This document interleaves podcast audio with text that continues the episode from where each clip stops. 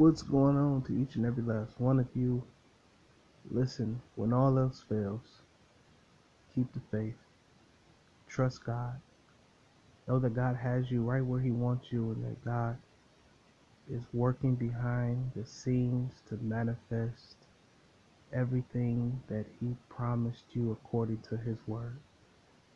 You want to know what God has in store for you? Read the Word of God. His Word is full of diamonds. His Word is full of gold and treasure. When you read the Word of God, it speaks life to your circumstance, giving you hope for tomorrow. You need to know that God will never leave you nor forsake you. And even in your darkest hour, when it seems as if there's no one to call on, God is right there. Even when you enter phases in life, it seems as if enemies, haters are plotting against you, creating snares and traps to entangle you to keep you from reaching destiny. You have to know that weapons will form against you, but the Bible declares, No weapon formed against me shall prosper. You have to know that the love you have is God's promise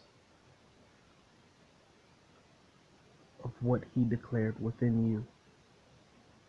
And that the love that you have in you is nothing but God Himself when God in Genesis created you in His image.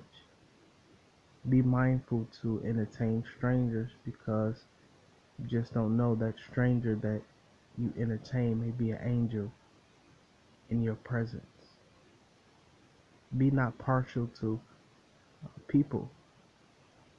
Don't treat the janitor low and the CEO high. For each of them are God's creation.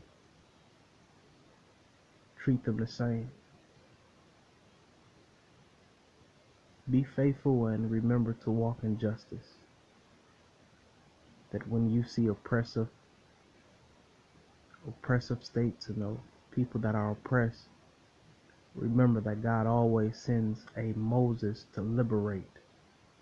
You may be the voice that someone needs to come out of darkness. You may be the peace that someone needs in order to overcome their dark circumstance. Continue to know that God lives on the inside of you and that you have everything within you to be as successful, as prosperous, as faithful, as healed, as whole as God wants you to be. All right, you be blessed.